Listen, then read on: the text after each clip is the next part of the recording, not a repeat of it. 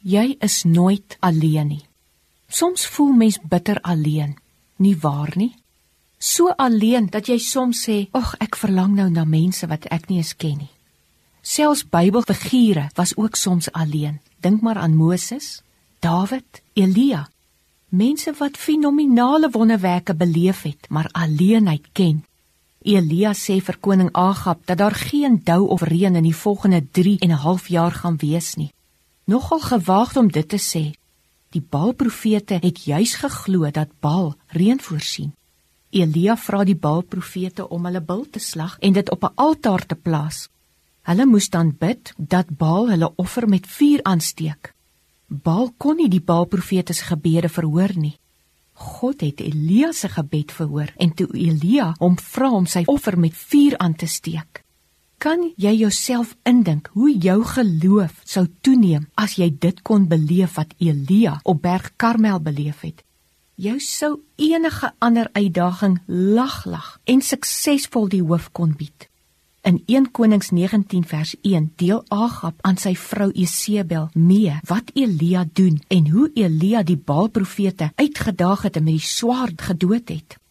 Jesebel was baie kwaad en wens dat haar gode Elia kan doodmaak. Hierdie wens van Jesebel het vrees by Elia ingeboesem en laat vlug. In een oomblik vergeet Elia van al God se weldade en ewe skielik daal Elia van 'n held na 'n vlugteling. Voel jy ook soms lus om te vlug, handdoek in te gooi? 1 Konings 19 vers 4 meld dat Elia wou sterf.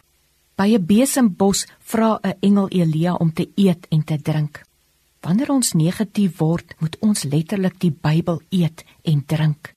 In Josua 1 vers 8 sê God aan Josua: Hierdie wetboek mag nie uit jou mond wyk nie, maar bepeins dit dag en nag sodat jy nou geset kan handel volgens alles wat daarin geskrywe staan, want dan sal jy in jou weë voorspoedig wees. Elias se verhaal is 'n geskrewe bewys dat enige mens depressief kan raak. Maak nie saak of jy 'n held is nie. Ons bly maar onvolmaak. Mense raak soms depressief omdat jy voel niemand verstaan jou nie en niemand gee werklik om nie.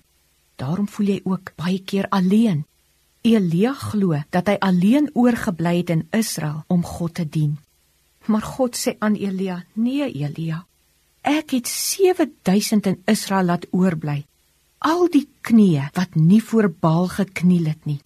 Met ander woorde, ou Elia, jy was nooit alleen nie. Jy kon net nie die ander 7000 sien nie.